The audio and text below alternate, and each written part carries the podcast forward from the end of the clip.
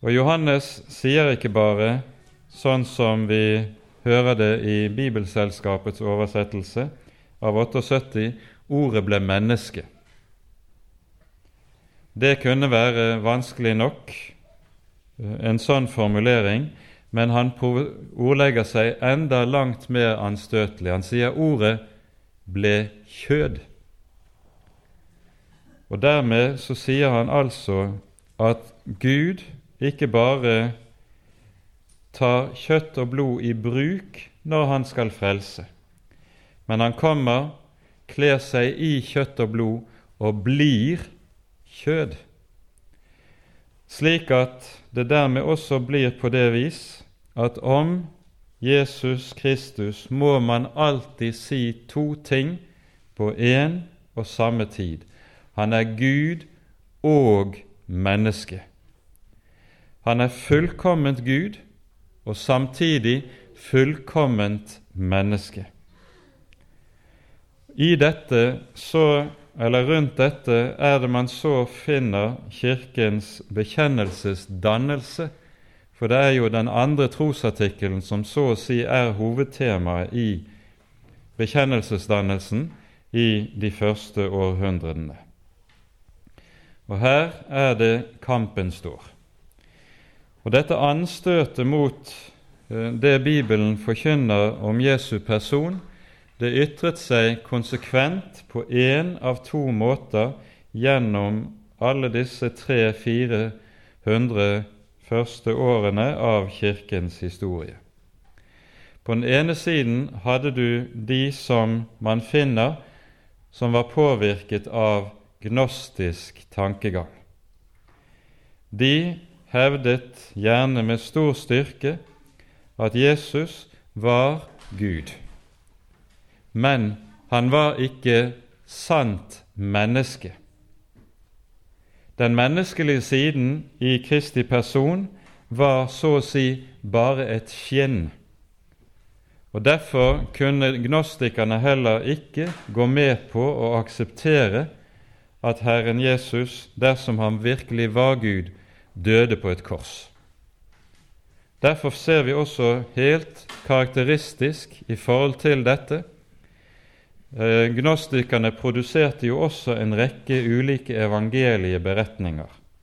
Du har sannhetens evangelium, du har Thomas-evangeliet, som det har vært mye tale om de senere år. Du har et Peters evangelium osv.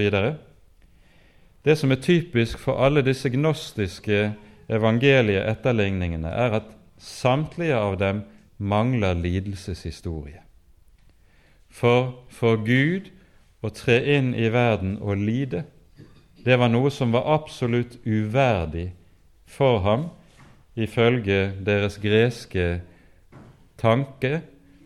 Den greske fangenskap, tror jeg vi har lov til å si, at de var fanget i. Dette var den ene typen anstøt. Den andre typen anstøt mot budskapet om hvem Herren Jesus egentlig var, sann Gud og sant menneske, finner du på motsatt side, der en med stor styrke understreket Jesus' sanne menneskelighet, og motsvarende hadde store vansker med å akseptere at han kunne være sann Gud. Her er det på denne fløyen vi finner store deler av uh, en vanglærende strøm som har sitt opphav innen jødedommen. Det var ikke minst jødene som, eller en del jødiske grupperinger som trodde på og aksepterte Det gamle testamentet, men som ikke fant grunnlag for å kunne si at Herren Jesus er sann Gud. De trodde at han var sant menneske, slik tenkte de ut fra Det gamle testamentet, men altså ikke sann Gud. Og Det den første kristne kirke da gjør, det er at den står så å si i en to, tofrontskrig mot begge disse retningene. Og Denne tofrontskrigen varer altså i 300-400 år. Og det som er Den kristne kirkes kamp hele veien, er å holde fast på dette store paradoks. Jesus er samtidig fullkomment Gud og samtidig også fullkomment menneske. I dette ligger det et veldig paradoks for den menneskelige tanke, som vi rent intellektuelt aldri kan få til å gå opp. Og det skal vi merke oss når den gamle kristenhet kjempet for Guds ords sannhet på dette området, så var det aldri en kamp som handlet om det å prøve å forklare hva Guds ord sa om disse ting. Det var det aldeles ikke. Det var tvert om en kamp som bestod i å søke å holde fast på noe som er ytterst paradoksalt for den menneskelige tanke. Man søkte så å si, om vi kan bruke det uttrykket, å ta vare på det mysterium som Guds ord forkynner oss når det legger frem for oss sannheten om Jesu person. Han er samtidig fullkomment Gud og samtidig altså fullkomment menneske. Og I dette ligger det jo et veldig paradoks, dersom vi tenker igjennom hva det innebærer. For er Jesus menneske, da er han skapning. Men er han Gud, så er han skaper. Er Jesus menneske, så er han forgjengelig, ja, dødelig. Er han Gud, så er han uforgjengelig og udødelig. Er han Gud, så er han allmektig. Er han menneske, så er han svak, ja, avmektig i møte med den levende Gud. Og det at en og samme person har disse ting forenet i seg selv, både allmakt og avmakt, både at han er skaper og skapning, både at han er evig udødelig og samtidig dødelig og forgjengelig. Hvem kan begripe slike paradokser? For det virker jo som at disse saker er slik at det ene må utelukke det andre. Og likevel det er dette paradoks, denne sannhet at Jesus er disse to ting og saker på en og samme tid, den kristne kirke da søker å holde fast på gjennom hele sin bekjennelseskamp og bekjennelsesdannelsen. Og Når så den nikenske trosbekjennelsen er ferdig utmeislet i år 381 etter kirkemøtene i Nikea og Konstantinopel, så øh, lyder det i den nikenske trosbekjennelsen om Jesus slik. Han er Gud av Gud, lys av lys, sann Gud av sann Gud, født, ikke skapt, av samme vesen som Faderen. Slik sammenfatter Den kristne kirke sin bekjennelse rundt Kristi person, og det er en bekjennelse som nettopp er blitt til i kamp mot disse to typer fornektelse som vi har vært inne på. Og Her er det altså at apostelen Johannes allerede når han skriver innledningen til sitt evangelium, gir den formulering som så å si alt i denne striden om Jesu person de første århundrene dreiet seg om. Ordet ble kjød. Nå er det heldigvis slik at læren om Jesu guddom den henger ikke bare på denne ene setning i vår bibel. Det utmeisles og forkynnes for oss i en rekke ulike sammenhenger, og vi skal i dag i hvert fall se på noe av dette. Og Jeg tror dette er viktig at vi tar oss tid til å gjøre, for denne siden ved budskapet i Guds ord er det nok ikke altfor ofte det stanses opp for og grundig blir gått inn på. Det første vi gjør nå, det er at vi slår opp i Paulus brev til kolossene i det første kapittelet.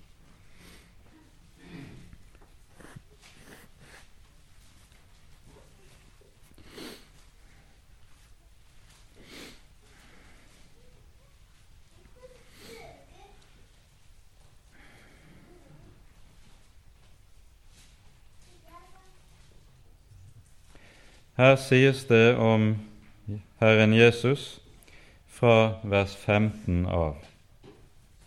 Han er et bilde av Gud, den usynlige, den førstefødte fremfor enhver skapning. For i ham er alle ting skapt, de i himlene og de på jorden de synlige og de usynlige, enten det så er troner eller herredømmer, eller makter eller myndigheter, alt er det skapt ved ham og til ham, og han er før alle ting, og alle ting står ved ham. Her ser vi hvorledes Apostelen understreker at når vi taler om Jesus som guddomsperson, så står han som skaperen, som altså er hos Gud fra evighet av. Når Gud skaper verden i opphavet, da skaper han altså verden ved sin sønn, for Sønnen er Ordet. Og Derfor sier altså Paulus sånn som han her gjør i ham er alle ting skapt. Jesus skiller seg dermed fra alle andre mennesker i det at vi er blitt til ved et bestemt tidspunkt i historien, ved vår unnfangelse og ved vår fødsel. Vi var ikke til før det. Men om Herren Jesus må det sies han er til av evighet av. Han er Gud. Og nettopp denne sannhet forkynnes faktisk også uttrykkelig i Det gamle testamentet.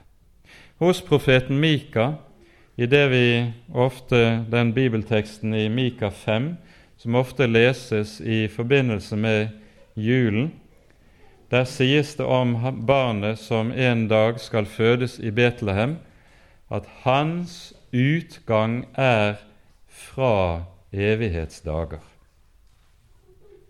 Det er den gammeltestamentlige måte å si nøyaktig det samme som apostelen Paulus her sier i Kolossene 1.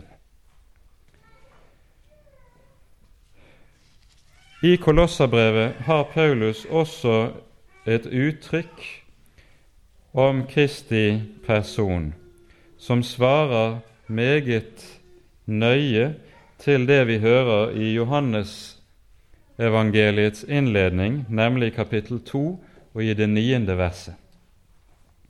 Her sies det om Herren Jesu person slik I ham bor hele guddommens fylde legemlig. Merk uttrykksmåten her. Det sies ikke at i ham bor hele guddommens fylde åndelig. Nei, guddomsfylden bor legemlig i Kristi person, i det ordet er blitt kjød.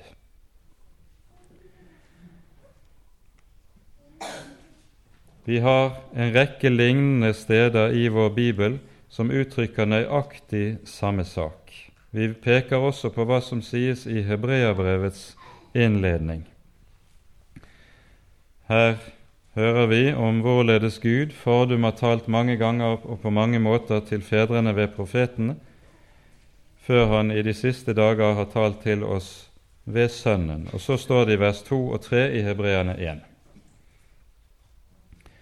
Sønnen som han har satt til arving over alle ting ved hvem han òg har gjort verden.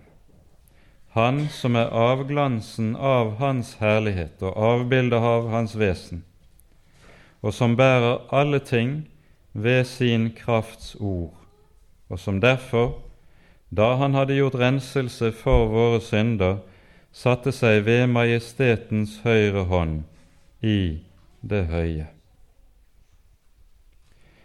Her males altså Kristi høyhet for oss. Jesus, når han kommer til verden for å være vår frelser, så er det altså ingen ringere enn Gud selv som i egen person trer inn i historien, går på jorden i kjøtt og blod, i vårt kjøtt og blod, og blir som oss. Gud, min broder. Under over under, sang vi nå før vi skulle høre Guds ord, og det er dette Skriften slik forkynner. Og Dette broderskapet pekes der så på for oss i Hebreabrevet i det andre kapittelet. Her står det slik i vers 14. Ettersom da barna har del i blod og kjød, fikk også han i like måte del deri for at han ved døden skulle gjøre til intet den som hadde dødens velde, og utfri alle dem som av frykt for døden var i trelldom all sin livs tid. For engler tar han seg jo ikke av, men Abrahams ett tar han seg av.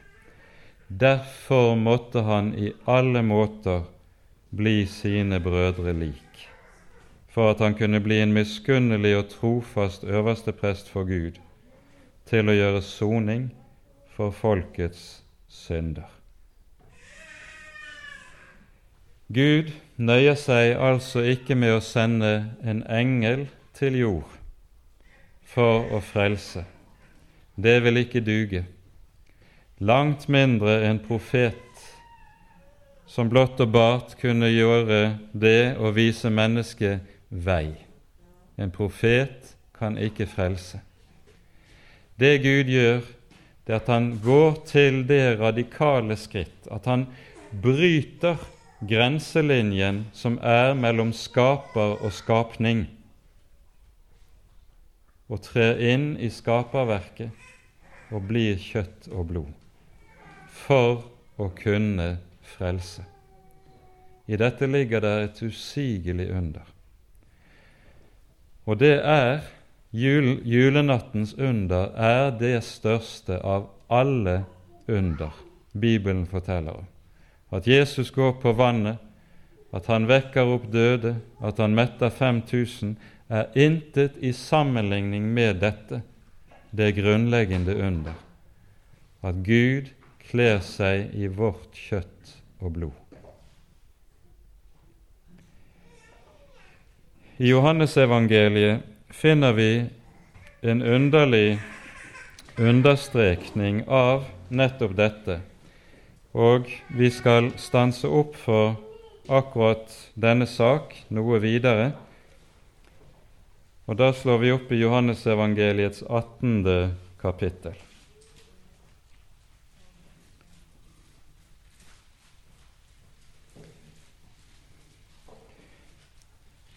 Vi befinner oss her ved natten til langfredag. Jesus har spist påskemåltidet sammen med disiplene, innstiftet nadværen, bedt sin ypperste prestlige bønn, og så går de ut over Kedron. Og vi leser fra vers 1. Da Jesus hadde talt dette, gikk han ut med sine disipler over bekken Kedron. Der var det en hage, og i den gikk han selv og hans disipler inn. Men Judas, som forrådte ham, kjente også stedet, for Jesus samledes ofte der med sine disipler. Judas hadde nå fått med seg vakten og tjenere fra ypperstepresten og fariseerne, og kom dit med fakler, lamper og våpen. Da nå Jesus visste om alt som skulle komme over ham, gikk han frem og sa til dem:" Hvem leter dere etter? De svarte ham, etter Jesus fra Nasaret. Jesus sier til dem, Det er meg. Men også Judas, som forrådte ham, sto der med dem.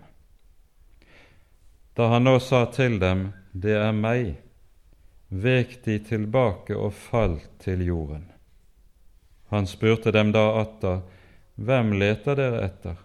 Og de sa, Etter Jesus fra Nasaret. Jesus svarte, Jeg sa dere jo at det er meg. Er det da meg dere leter etter, så la disse gå, for at det ord skulle oppfylles som han hadde sagt. Jeg mistet ikke én av dem du har gitt meg. Dette er jo en veldig underlig fortelling.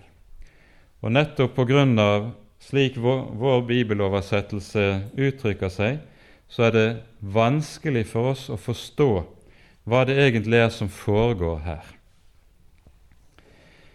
Det vi altså hører, er at Jesus enkelt, ubevæpnet, trer frem for hæravdelingen som er kommet for å gripe ham, med spørsmålet 'Hvem søker dere etter?' Og når han har svart dem, ligger de alle på ansiktet for ham, hjelpeløse. Hva er det som skjer? Antagelig kan vi gå ut fra at det har vært mellom 30 og 50 mann som kommer godt væpnet for å gripe Jesus.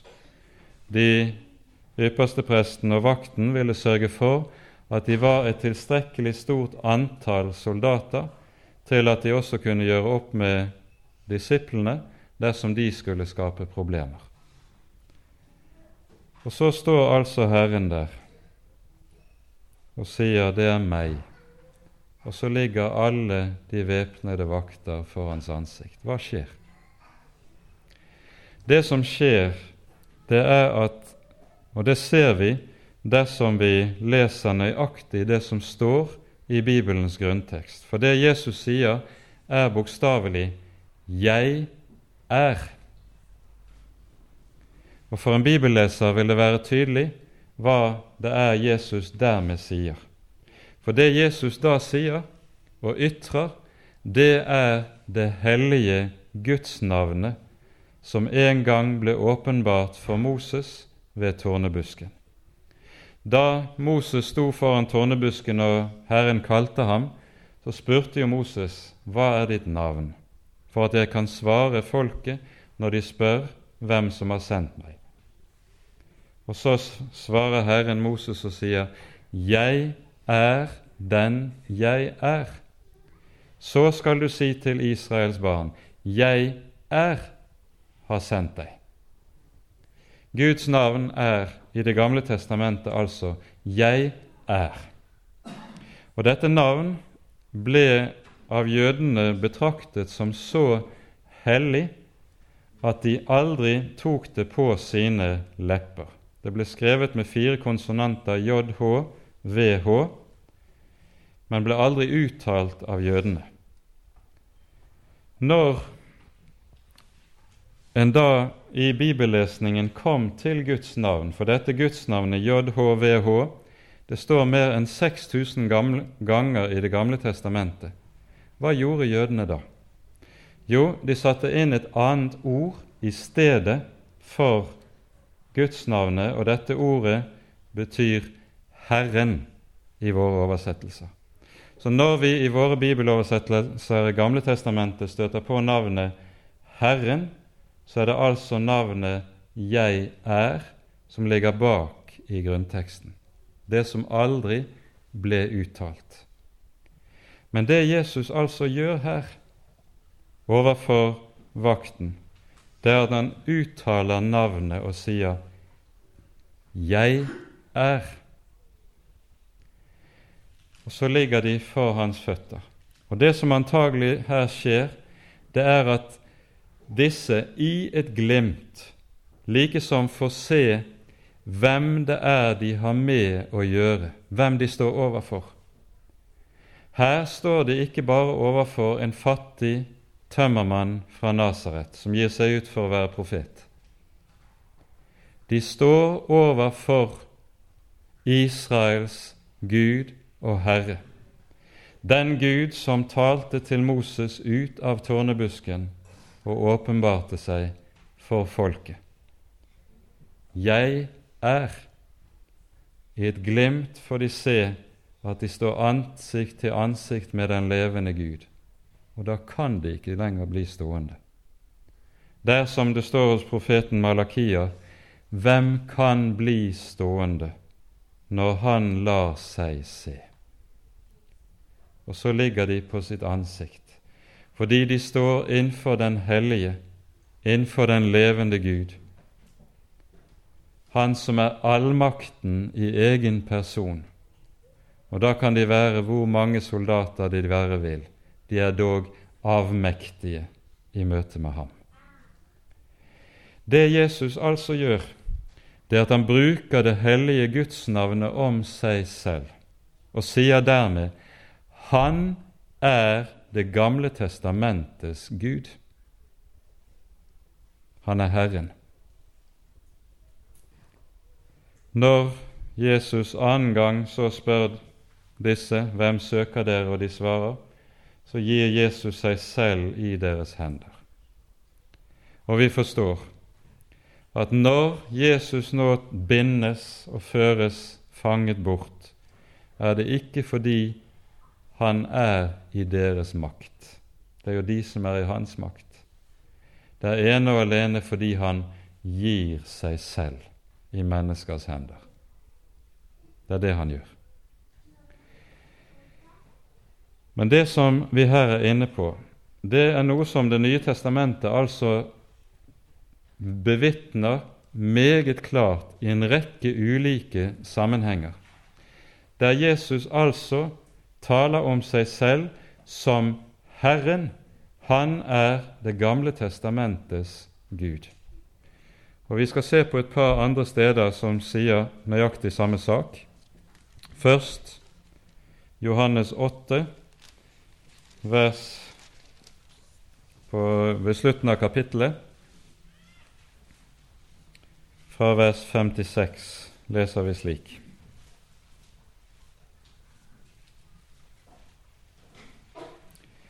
Abraham, deres far, frydet, til, frydet seg til å se min dag, og han så den og gledet seg. Jødene sa da til ham, Du er ennå ikke 50 år og har sett Abraham. Jesus sa til dem, Sannelig, sannelig, sier jeg dere, før Abraham ble til, er jeg. Bokstavelig står det, før Abraham ble til, jeg er på ny gudsnavnet, og disse som står og hører på dette, reagerer helt saksvarende for for en jøde å ta gudsnavnet i sin munn regnes som bespottelse, og så vil de stene ham. De som kunne sin hebraisk, skjønte det. I vers 23 og 24 i det samme kapittelet leser vi videre slik. Jesus sa til dem, Dere er nedenfra, jeg er ovenfra. Dere er av denne verden, jeg er ikke av denne verden. Derfor sa jeg til dere, dere skal dø i deres synder. For tror dere ikke at jeg er den jeg er, da skal dere dø i deres synder. Og legg merke til hvordan Jesus ordlegger seg her. Her bruker Jesus helt klart ordene som lød til Moses ved tårnebusken. De bruker han på seg selv, anvender dem på seg selv, og sier dermed det grunnleggende om seg selv. Han er den som åpenbarte seg for Moses ut av tårnebusken. Han er den som førte Israel ut av Egypten. Han er den som talte og åpenbarte sin hellige lov ved Sinai. Jesus er Herren, den Gud som taler og åpenbarer seg gjennom hele den gamle pakts tid. Det er poenget i det vi her er inne på. Og Derfor er det altså slik at det som er budskapet om hvem Jesus er, det består nettopp i at han er den Gud som taler og åpenbarer seg i den gamle pakts tid, som trer inn i verden, kler seg i kjøtt og blod og blir menneske. Og nettopp denne sak den uttrykkes meget klart i fødselsberetningen i Lukasevangeliets annet kapittel. Hva er det engelen sier til hyrdene på marken? Dere er i dag en frelser født, som er Kristus, Herren i Davids stad. Ved at barnet i krybben kalles for Herren, sies det om dette barn han er nettopp Det gamle testamentets Gud, som her kommer i kjøtt og blod og ligger i krybben. Det vi her er inne på, det er noe som altså de første kristne var godt klar over. Og Derfor er det også slik at når de, de første kristne formulerte sin trosbekjennelse, så var den meget enkel. Og vi møter den en rekke steder i Det nye testamentet. Og den bestod av én setning. Jesus er Herren. I våre bibler er det gjerne oversatt 'Jesus er Herre'. Og Da får vi ikke så klart frem det som er poenget vi her er inne på. Det skulle vært oversatt slik, altså Jesus er Herren. Det er det som var de første kristnes trosbekjennelse. Og det er jo et fryktelig anstøt for jødene at de kristne nettopp har dette som sentrum i sin tro. Han som vandret om på jord, som ble naglet til kors i fornedrelse. Det er herlighetens Herre og Gud, ingen ringere. Det var budskapet om hvem Kristus er. Så når vi altså møter budskapet om inkarnasjonen, der det står 'Ordet ble kjød', så er det slik vi skal tenke. Og vi skal tenke slik som de første kristne tenkte, at når de møtte Gudsnavnet Herren i Det gamle testamentet, da leste de der og så de der alltid Herren Jesus Kristus før Hans komme i kjød. Det kan være meget mer å si om den sak. Vi eh, har vel ikke tid til det før vi skal ta for oss også en annen side ved dette budskap. Og Det som vi da skal se på, det settes der ord på for oss i første Korinterbrev i det første og annet kapittel.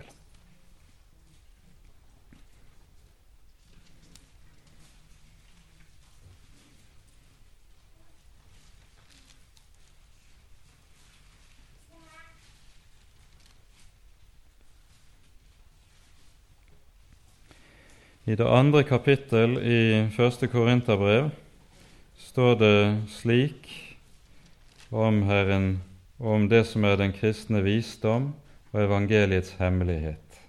Vers 8. Denne hemmelighet som altså ingen av denne verdens herrer kjente. For hadde de kjent den, da hadde de ikke korsfestet herlighetens Herre sier apostelen. Og Herlighetens Herre, det er i gammeltestamentlig forstand navnet på Gud, Det gamle testamentets Gud. Det som er sentrum i det kristne budskap, er altså at når Gud på denne måten har valgt å tre inn i verden kle seg i kjøtt og blod, så har det én bestemt grunn. Og Denne grunnen er at uten at han kler seg i kjøtt og blod, vil han ikke kunne dø. Han kler seg i kjøtt og blod rett og slett for å kunne dø. Meningen med Jesu fødsel og menneskebliven ligger i, og dette er sentrum, han skal dø, han skal gi sitt liv. Og Derfor sies det også disse paradoksale ordene i apostelgjerningenes 20. kapittel, når Paulus taler til de eldste i Efesus sin avskjedstale der, så tales det om hvorledes Gud vant seg sin menighet ved sitt eget blod. Vi er vunnet til å være Guds barn ved Guds blod. For det som gjør at korset kan være frelsende, det er jo den person som henger på dette kors. Var det en annen som hang der, så ga det aldri frelse. Men at det nettopp er Gud som henger på treet, gir seg selv i synderes sted, det, og det alene er det som gir frelse. Det er poenget. Nå er det slik at budskapet om korset det har det med seg at det var like anstøtelig i oldtiden som budskapet om at Gud kom og tok kjøtt og blod på seg i Kristi person. For var det anstøtelig at Gud skulle blande seg med den fysiske virkelighet, så var det ikke mindre anstøtelig at en slik Gud så skulle fornedre seg til å dø på et kors. Og Da er det viktig for oss at vi er klar over hva korset betød og innebar i oldtiden. I oldtiden var det nemlig slik at korset langt fra var et ærverdig symbol som menneskene høyaktet fordi det symboliserte det som var vår tro og vår frelse. I oldtiden var korset symbolet på det verste et menneske kunne tenke seg. Korset var verre å anse enn en galge. Korset var slik at de som ble dømt til døden på et kors, det var de aller laveste i samfunnet. En romersk borger kunne f.eks. aldri dømmes til døden på et kors. Det var kun slaver og krigsfanger av overvundne fremmede folkeslag som kunne nagles til kors. Kun det. For korsdøden ble i oldtiden betraktet som så vanærende at dersom noen hadde noen i sin slekt som hadde lidd døden på et kors, så ble denne personen aldri lenger omtalt. Korset var forbundet med den aller dypeste skam. Og så skjer da det forunderlige. Ikke bare at den levende Gud selv kommer og er villig til å lide døden på et kors. Men så, når apostlene trer frem med forkynnelsen og budskapet, så gjør de nettopp dette, som er symbolet på det mest fornedrende og vanærende i samtiden, det gjør de til selve sentrum i sitt budskap. Det er så å si slik at med budskapet om korset, ordet om korset, så gjør de det som enhver fornuftig markedsfører ville eh, tenke på,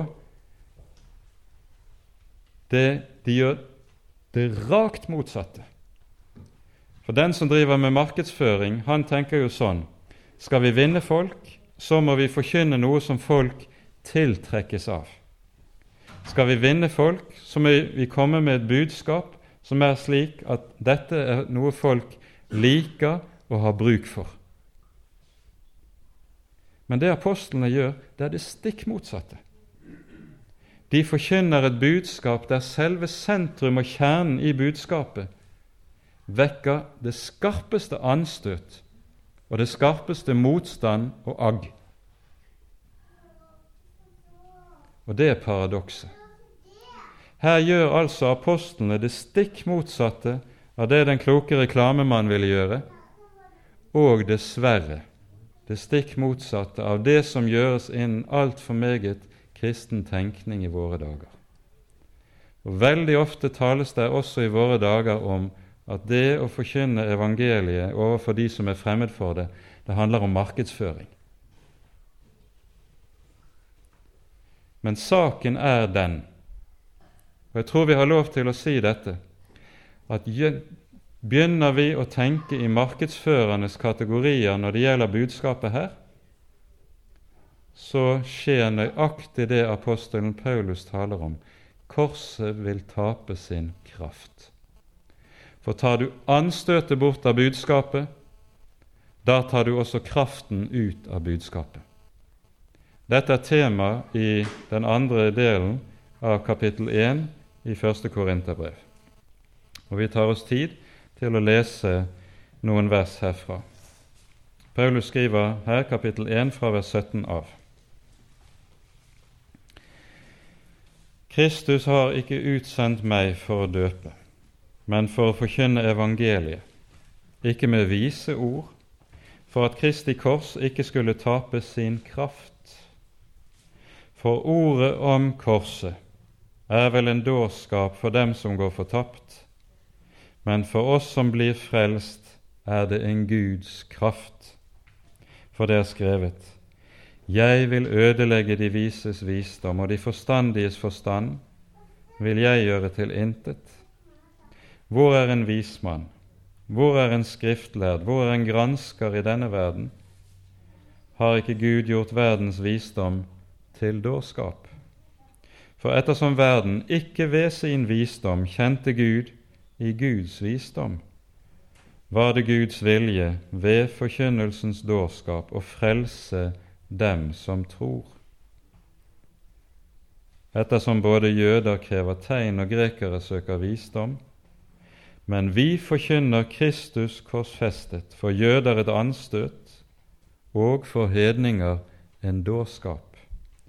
Men for dem som er kalt, både jøder og grekere, forkynner vi Kristus, Guds kraft og Guds visdom. For Guds dårskap er visere enn menneskene, og Guds svakhet er sterkere enn menneskene. Det som står overfor hverandre i dette avsnittet, er på den ene siden apostlenes forkynnelse. Og når Paulus skal sammenfatte kort hva den handler om, hva den har som sitt sentrum, så skjer det ved uttrykket 'ordet om korset'. Det er det som er budskapet. Det står der på den ene side. På den andre siden har du det som folk var opptatt av i samtiden. Og I Korint var situasjonen den at det folk var opptatt av, det var datidens populærfilosofi. Og dersom man bare kunne komme og forkynne en eller annen populærfilosofi, så ville det umiddelbart både vekke interesse, tiltrekke folk og muligens også skape tilhengere og gi med, med, nye medlemmer til den første lille kristne menighet i denne byen. Det som da er fristelsen til Paulus, og som vi forstår ut av første Korinterbrev en del av de troende i Korint har falt for, det er at de prøver å forkynne det kristne budskap i populærfilosofiens fasong, slik at det kristne budskap skulle bli tiltrekkende. De skulle så å si møte folk på hjemmebane, møte folk der hvor de var, og gjøre tersklene til den kristne tro lavere gjennom at de tok bort det som gjorde det vanskelig for dem å tro. Og hva var det som gjorde det vanskelig å tro? Det var korsets anstøt. Og Målsetningen var altså de ville vinne mennesker gjennom å gjøre det lettere for dem å tro og ta imot evangeliet. Dette er det Paulus nå har et veldig oppgjør med i de to første kapitlene i første Korinterbrev, som har dette som sitt hovedtema Hvordan skal budskapet forkynnes? Og det han sier med klare ord Han tilpasser aldri budskapet til hva folk ønsker å høre, for at det dermed skal bli lettere for dem å ta imot det. Men han lar ordet om korset står der i all sin anstøtelighet. Hvorfor?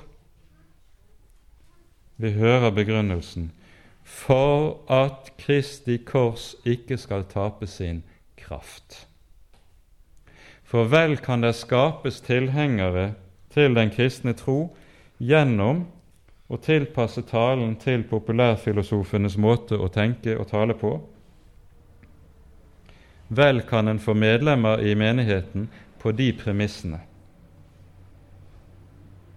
Men, og det er det store men, Paulus sier om den sak i det annet kapittel vers 4 og vers 5 slik. Min tale og min forkynnelse var ikke med visdoms overtalende ord, men med ånds og krafts bevis, for at deres tro ikke skulle være grunnet på menneskers visdom, men på Guds kraft. Legg merke til det.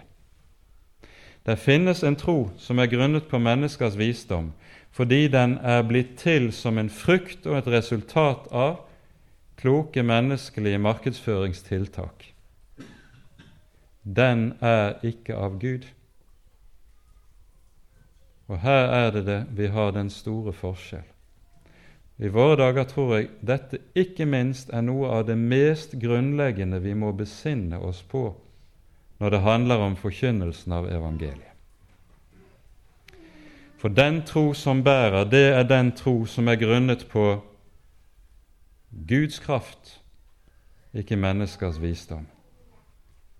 Og som altså Paulus meget sterkt og tydelig og klart gir uttrykk for i denne sammenhengen, denne Guds kraft ligger bare ett sted gjemt ved ordet om korset. Dette ord er det som skal lyde klart. Dette ord er det som skal lyde med styrke. Dette ord er det som skal lyde uten at en skjeler til hva mennesker liker eller misliker når de hører det. For tar du bort det som det naturlige mennesket tar anstøt av i budskapet, da tar du altså bort også kraften i budskapet. Og så kommer da Paulus med denne forunderlige satsen som vi aldri ville turt ta i vår munn dersom det ikke var apostelen selv som hadde gjort det. For Guds dårskap er visere enn menneskene. Guds svakhet er sterkere enn menneskene. For hva er det som skjer på korset? For vantroen så ser dette korset ut som hva? Som det dypeste nederlag. Når Jesus langfredag henger på korset, så ser det for en utenforstående iakttaker slik ut at det var slutten på den visen. Det var slutten på den bevegelsen. Når lederen, som alt annet, alt sammen står og faller med, henrettes slik, da er det punktum, det er ferdig. Jesus lider døden i vanære.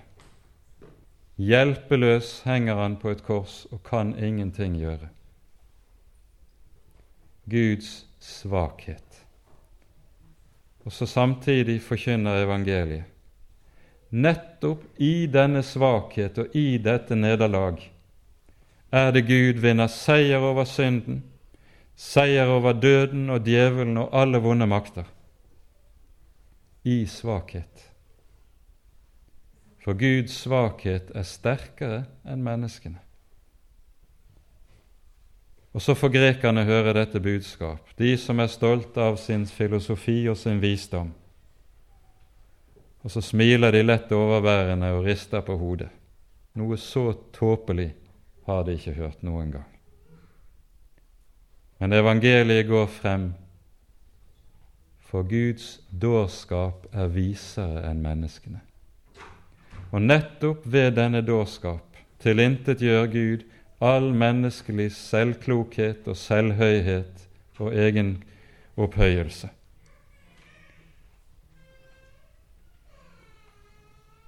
Så skapes det tro, så skapes det menighet, og så blir det frelse.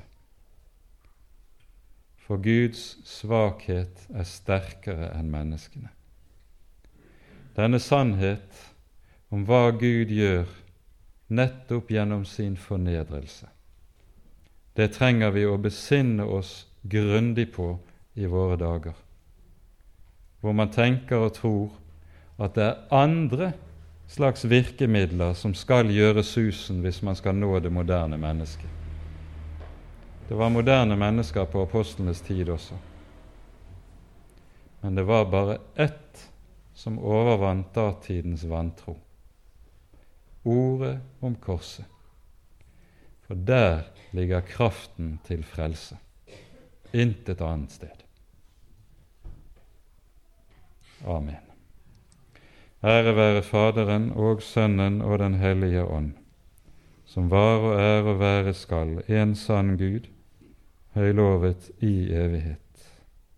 Amen.